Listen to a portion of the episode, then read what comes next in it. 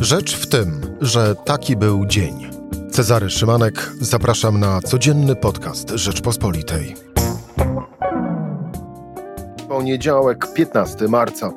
Dzień kandydatów, można powiedzieć, bo opozycja wystawia wspólnego kandydata na prezydenta Rzeszowa, a poseł PiS Bartłomiej Wróblewski zgłasza się na Urząd Rzecznika Praw Obywatelskich. Ale to także dzień wielkiego wyrzutu sumienia na arenie międzynarodowej. Już 10 lat trwa wojna w Syrii. Dziś moimi gośćmi będą Michał Kolanko i Jerzy Haszczyński. Rzecz w tym, że zapraszam Cezary Szymanek. Słuchaj na stronie podcasty.rp.pl. Włącz Rzecz w tym w serwisie streamingowym.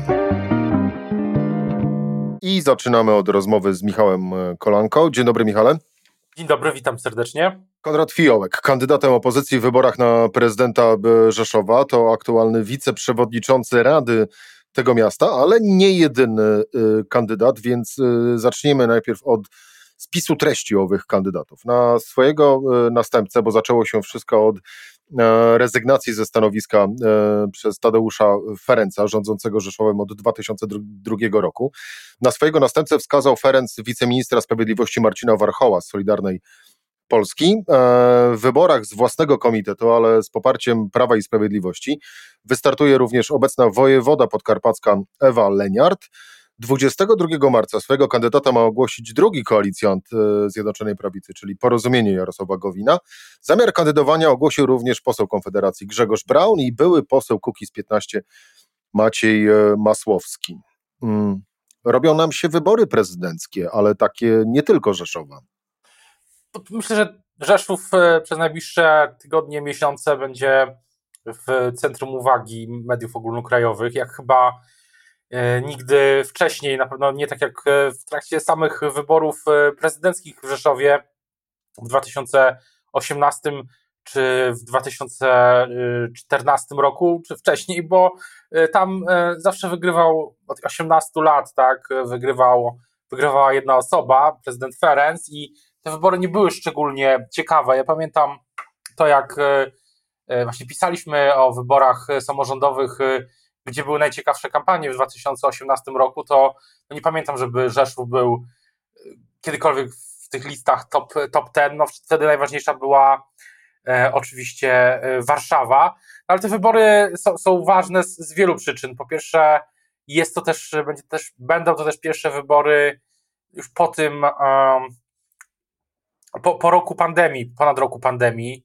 po zmianach e, społecznych wywołanych pandemią, no i też wybory, które pokażą e, zarówno siłę jednoczenia się opozycji, tak jak dzisiaj widzieliśmy na rynku w Rzeszowie, no jak i stopień e, podziału Zjednoczonej Prawicy, no bo kandydatów Zjednoczonej Prawicy będzie co najmniej, e, co najmniej dwie osoby ze Zjednoczonej Prawicy będą kandydować, a być może trzy, jak wspomniałeś.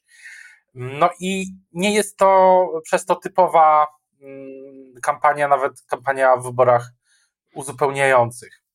Zatrzymajmy się na chwilę, Michał, przy, e, przy opozycji, a właściwie, e, no, mówiąc szczerze, to trochę niespodzianka, bo wszyscy spodziewali się e, takowego kroku, czyli jednego kandydata od Zjednoczonej Prawicy, a tymczasem e, widok rzeczywiście póki co niespotykany, czyli Borys Budka, Władysław Kosiniak-Kamysz, Szymon Hołownia, Włodzimierz Czarzasty w jednym rzędzie, drugim rzędzie, właśnie za owym kandydatem, czyli Konradem Fiołkiem.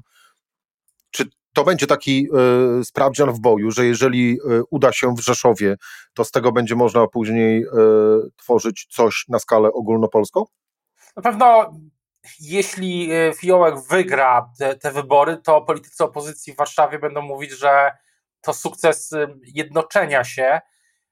Chociaż oczywiście te wybory będą specyficzne, bo Rzeszów jest bardzo specyficznym miastem, w tym sensie, że rządził tam prawie dwie dekady prezydent y, związany z jedną z partii, z, z SLD, ale niezależny od partii jako, taki, jako takiej, e, jakichkolwiek partii. No i to też zmieniło elektorat, to też wynika z badań, które przeprowadzają tam partie i zarówno, no ja opisałem o tym w ubiegłym tygodniu w, w piątek, no, że badania Prawa i Sprawiedliwości no, pokazują, że kandydat z legitymacją partyjną nie miałby tam szczególnie szans. Chyba to samo, albo nawet jestem pewny, że to samo pokazały też analizy i badania opozycji, koalicji, koalicji obywatelskiej, Platformy, Lewicy i, i, i Szymona Hołowni PSL-u.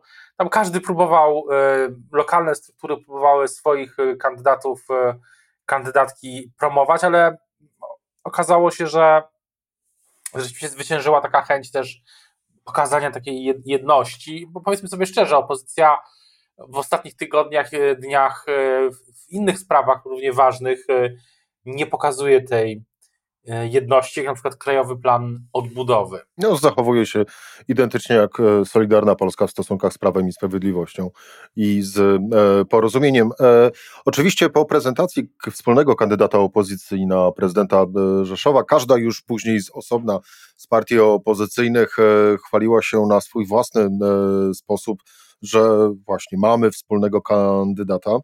Mm, co się mówi? Czyja to była głównie zasługa, że udało się dojść do takiego porozumienia?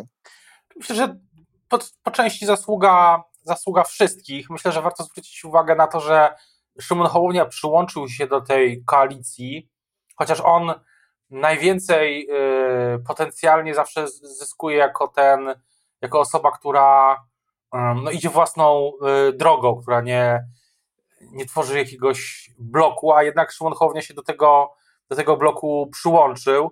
A może musiał się Michał przyłączyć, bo gdyby tego nie zrobił, to by stracił o wiele więcej, bo zostałby jako jedyny, który y, kontestuje y, wspólne działania opozycji. No tak, ale nie wiemy do końca, jaka jest sytuacja, czy, czy miał, może był silny kandydat y, Szymona Hołowni, który mógłby wygrać z kandydatem opozycji, wejść do drugiej tury z kandydatem, jednym z kandydatów prawicy.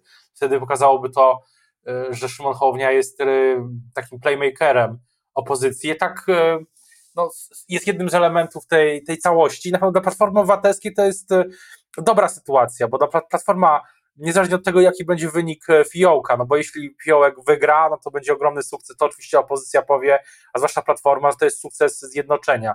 Jeśli przegra, no to wiadomo, co powie opozycja, zwłaszcza Platforma, że to jest teren PiSu i zawsze było tam trudno, próbowaliśmy, mm, ale nie udało się. Natomiast dla Platformy celem jest no, pokazywanie, że ta koalicja 276 y, działa, że, że to jest koncepcja, która jest y, żywa i dzięki temu, dzięki tej wspólnej konferencji dzisiaj w Rzeszowie ona, ona jest cały czas w grze, co dla Szymona Hołowni niekoniecznie jest dobrą wiadomością, ale tak działa czasami polityka no, w taki dosyć przewrotny sposób. I to warto również jeszcze zaznaczyć, e, że sama osoba kandydata, czyli Konrad Fiołek, to e, samorządowiec e, z krwi i kości, mieszkaniec Rzeszowa od urodzenia. Osoba, osoba, która jest, wydaje się, że mm, pokoleniowo pasuje, zwłaszcza do, do obecnego przywództwa w Platformie, ale też ogólnie do, do, do, do tego nowego pokolenia mm, w partiach politycznych, które teraz, tak jak w przypadku Platformy, no, trzyma władzę, czy zdobyło władzę z rąk e, w przypadku Borysa Budki starszego nieco e, Grzegorza Schetyny, znaczy, czy jak Szymon Hołownia, czy Kośniak-Kamysz, no są, są z innego e, pokolenia i myślę, że to też jest ważne ten, ten akcent pokoleniowy z, tego, co zresztą pamiętam Szymon Ho, przepraszam, Konrad Fiołek akcentował w tym swoim przedstawieniu się. I zobaczymy, no, może być e, to mm, kandydatura, która rzeczywiście wygra z, z podzieloną e, prawicą i wtedy będzie też pewnie inna sytuacja polityczna, jeśli, jeśli Konrad Fiołek e, te wybory wygra. I być może, i być może kolejny argument. I ma 45 lat, z tego co pamiętam, więc do Borysa Budki, do mm, Szymona Hołowni, do Kośniaka Kamysza, który jest oczywiście chyba dużo młodszy, jest dużo młodszy, bo ma 39, pasuje. E, no i e, właśnie, i by, być może, e, jeżeli kandydat opozycji wygra wybory w Rzeszowie, to będzie kolejny argument za tym dla Jarosława Kaczyńskiego, aby przeprowadzić przedterminowe wybory w skali całego kraju. E, zmienimy e, kandydatów, a właściwie przenieśmy się z Rzeszowa do Warszawy. Na koniec e, poseł PiS Bartłomiej Wróblewski ogłasza, że chce powalczyć o stanowisko Rzecznika Praw Obywatelskich. To jest ta osoba, która była jednym z autorów wniosku do Trybunału Konstytucyjnego o uznanie aborcji ze względu na wady płodu za niezgodną z konstytucją. To jest również ta osoba, o której na przykład Gabriela Morawska-Stanecka mówiła jako o policzku dla kobiet, a Małgorzata Kidawa-Błońska o prowokacji ze strony Prawa i Sprawiedliwości. To prowokacja? Myślę, że to jest bardzo mm, świadoma kandydatura, w tym sensie, że politycznie, y, politycznie jest bardziej akceptowalna dla jednego senatora przynajmniej niż wcześniejsza kandydatura PiSu, czyli pan profesor Wawrzyk y, nie był w ogóle brany pod uwagę przez Jana Filipa Libickiego, a pan e, profesor Wróblewski tak. I to jest y, ta różnica. Oczywiście mm, no będzie pan, e, pan senator Libicki pod ogromnym ciśnieniem, pod ogromną presją. Zobaczymy jeszcze, kogo wystawi mm, opozycja, koalicja, no zobaczymy, jaka będzie ta konfiguracja, bo Lewica stawia na Piotra Ikonowicza. No i tu też widać, e, tak jak w przypadku KPO, Krajowego Planu Odbudowy, że mm, ta jedność opozycji no cały czas jest e, taktyczna, zależąca od sprawy. W Rzeszowie jest, e, była, mm, w sprawach, w sprawie mediów no też, też była współpraca, czy jest. No tutaj każdy stawia chyba tutaj, tutaj taką jedność trudno. I na koniec jeszcze, Michał, czy Daniel Obajtek powinien mm, e, z takiego politycznego punktu widzenia e, odejść ze stanowiska prezesa PKN Orlen? Na pewno dla Prawa i Sprawiedliwości ta sytuacja robi się coraz trudniejsza. Ja w, ostatnich kilkudziesięciu godzinach, w ciągu ostatnich kilkudziesięciu godzin przez, przez weekend e, dostawałem wiele wiadomości, telefonów właśnie od polityków PiS, mm, no, którzy byli coraz bardziej skonsternowani, tak bym to delikatnie ujął, tym, co się dzieje i przekonani, że, że nie dzieje się dobrze, że to jest sprawa, która no jest takim kolejnym frontem, który PiS ma otwarty, który, mm, który nie jest e, no nie jest potrzebny, zwłaszcza w chwili, gdy odnotowania PiS nie są na takim poziomie, jak były jeszcze kilkanaście nawet miesięcy temu, już na pewno nie są na takim poziomie przy okazji, były przy okazji wyborów e, do Sejmu, czy nawet w czasie kampanii prezydenckiej. I, i to jest, y, myślę, kłopot, który władze PiS, z którego władze PiS zdają sobie sprawę. No ale co będzie dalej, to, yy, to zależy od rozwoju tej, tej sytuacji. O, tak bym to ujął dyplomatycznie. Dyplomatycznie ujmował Michał e, Kolanko. Bardzo dziękuję Ci za rozmowę. Dziękuję również. A już za chwilę Jerzy Haszczyński i rozmawiać będziemy o dziesiątej rocznicy e, wybuchu wojny w Syrii. Rzecz w tym, że to jest podcast Rzeczpospolitej. To było dokładnie 10 lat temu. 15 marca 2011 roku. Przepraszam, roku. 3, 2, 1. To było dokładnie 10 lat temu. 15 marca 2011 roku wybuchła wojna domowa w Syrii. Kilka tygodni po rozpoczęciu protestów przeciwko Basharowi Asadowi. I tak ciągnie się do dziś dwa razy dłużej niż II wojna światowa. Moim gościem Jerzy Haszyński, szef działu zagranicznego Rzeczpospolitej. Witam Cię Jerzy. Dzień dobry. Jerzy, ja na początku zapowiadając e, dzisiejszy e, program e, nazwałem wojnę domową w Syrii największym wyrzutem sumienia szeroko pojętej areny międzynarodowej. Podpisałbyś się pod tym? Tak, chociaż jest jeszcze drugi konflikt trwający długo jeszcze bardziej niedostrzegany, czyli w Jemenie. Może jeżeli chodzi o skalę tej wojny, to jest mniejsza ta jemeńska, mniej ofiar, ale ofiar w znaczeniu osób zmarłych, zabitych. Natomiast po, po, powiedziałbym, że porównywalne są z tym, że Syria jest bliżej nas i bardziej widzimy, jakie są jej skutki, między innymi poprzez napływ uchodźców i imigrantów i jest to konflikt, który przynajmniej w początkowej fazie, a także w takich e, kulminacjach, które się później pojawiały, był dobrze widoczny w mediach. Także to niewiele dało, to, że ludzie widzieli, jak dzieci umierają w wyniku nalotów czy użycia niedozwolonych środków bojowych. E, było trochę krzyku, było trochę oburzenia, że tym razem to już nie możemy odpuścić, no odpuszczaliśmy. No właśnie, dlaczego w takim razie świat Twoim zdaniem e, odpuścił? To I zanim odpowiesz, to jeszcze przypomnijmy e, w kontekście ofiar. Dokładna liczba ofiar nie jest e, znana wojny domowej w Syrii, ale szacunki mówią od 350 do niemal 600 tysięcy. Około 7 milionów osób uciekło z kraju za granicę. I teraz wróćmy do, do, do mojego pytania. Dlaczego? No jak popatrzymy na inne konflikty na świecie, zazwyczaj one nie charakteryzują się tak krwawym przebiegiem, nie ma tak wielu ofiar, ale są i obserwujemy i też się denerwujemy, no to najczęściej po jakimś czasie dochodzimy do wniosku, że nic nie możemy zrobić. Politycy nawet niespecjalnie są chętni do nakładania jakichś niewielkich sankcji. To dotyczy krajów takich, które tu leżą obok nas, Białorusi, czy Rosji, czy leżących trochę dalej, jak Chiny.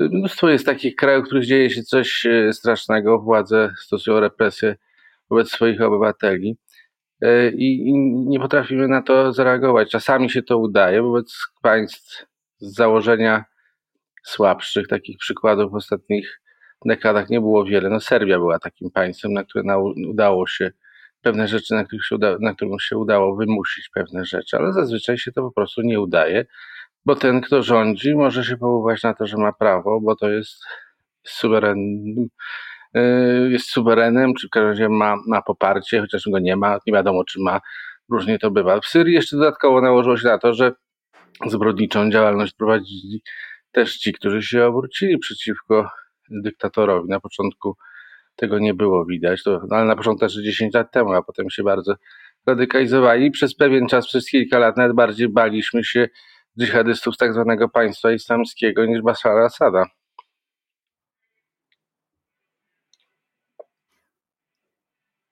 Na pomoc e, Asadowi, wróćmy jeszcze do, e, no to była połowa owego konfliktu e, w sensie kalendarzowym. Na pomoc Asadowi w 2015 roku ruszyła Rosja, głównie wspierając z powietrza, ale również pojawił się Iran, pojawił się również proirański Hezbollah z Libanu. Rodzi się automatycznie pytanie o to, dlaczego nie spowodowało to kontrdziałania z drugiej, z drugiej strony czyli e, wyraźnej interwencji e, mocarstw, które e, mogłyby dać odpór zarówno, no właśnie, Asadowi, jak i Rosji, jak i Iranowi, jak i Hezbollahowi. Powodów jest oczywiście kilka. Pierwszy jest taki, że Zachód miał jeszcze na świeżo w głowie e, świadomość tego, co, jakie skutki wywołała interwencja w sąsiednim kraju, na Bliskim Wschodzie, czyli w Iraku, że e, jednym ze skutków jest totalna radykalizacja części, części społeczeństwa, nawet całkiem dużej części społeczeństwa, wytworzenia się organizacji terrorystycznych, które, co najgorsze dla Zachodu, e, nie ograniczają swojej działalności do terenu, na którym się zrodziły, ale atakują Zachód, upatrują w tym na jeden ze swoich głównych celów. Drugi powód był taki, że ponieważ nie, nie zdecydowano się na e, szybką interwencję, chociaż zapewne nie byłaby to interwencja taka jak w Iraku, to od razu sobie, to było od początku wiadomo, że e, jeżeli jakakolwiek interwencja, to jakieś chirurgiczne naloty na,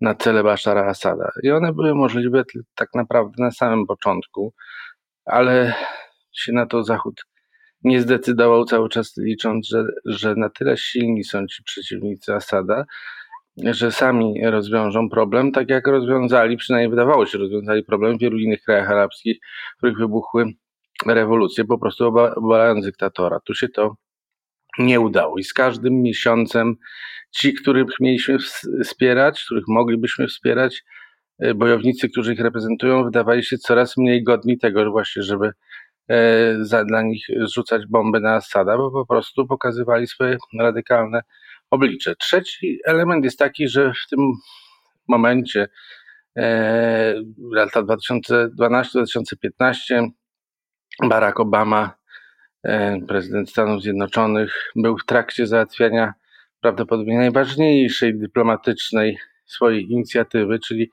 porozumienia pokojowego, porozumienia atomowego, przepraszam, z Iranem. Iranem, który jest bardzo zainteresowany był wspieraniem Bashara Asada.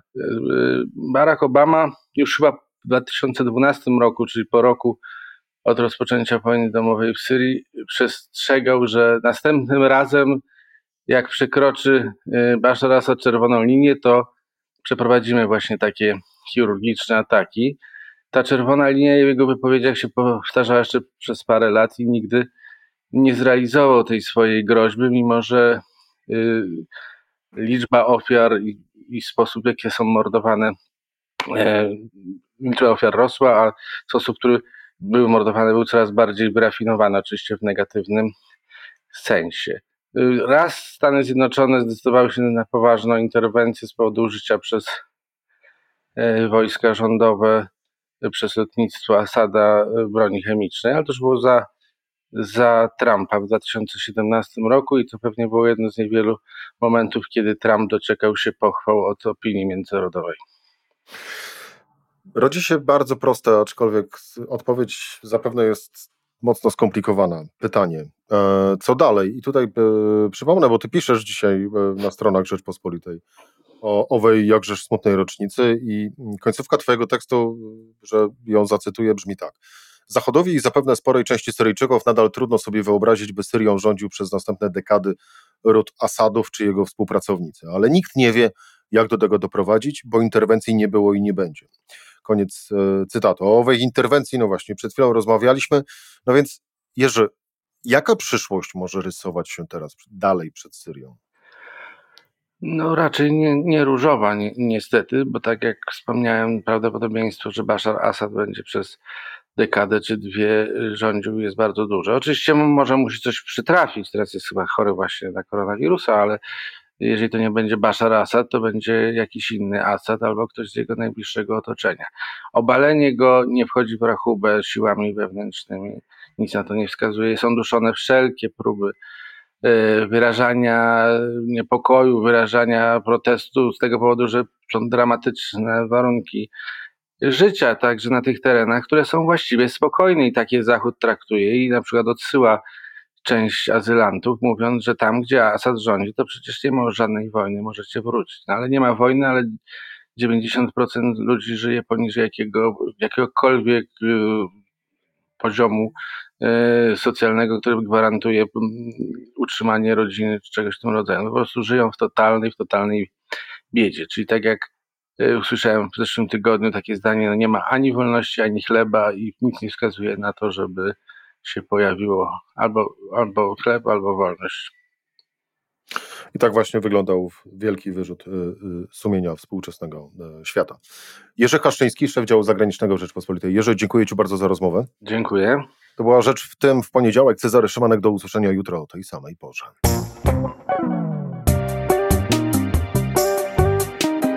Rzecz w tym to codzienny program Rzeczpospolitej. Od poniedziałku do czwartku o godzinie 17. Słuchaj na stronie podcasty.rp.pl. Włącz Rzecz w tym w serwisie streamingowym.